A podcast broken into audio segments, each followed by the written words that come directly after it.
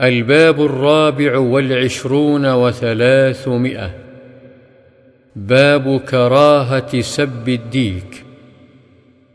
عن زيد بن خالد الجهني رضي الله عنه قال قال رسول الله صلى الله عليه وسلم لا تسبوا الديك فإنه يوقظ للصلاة. رواه أبو داود بإسناد صحيح.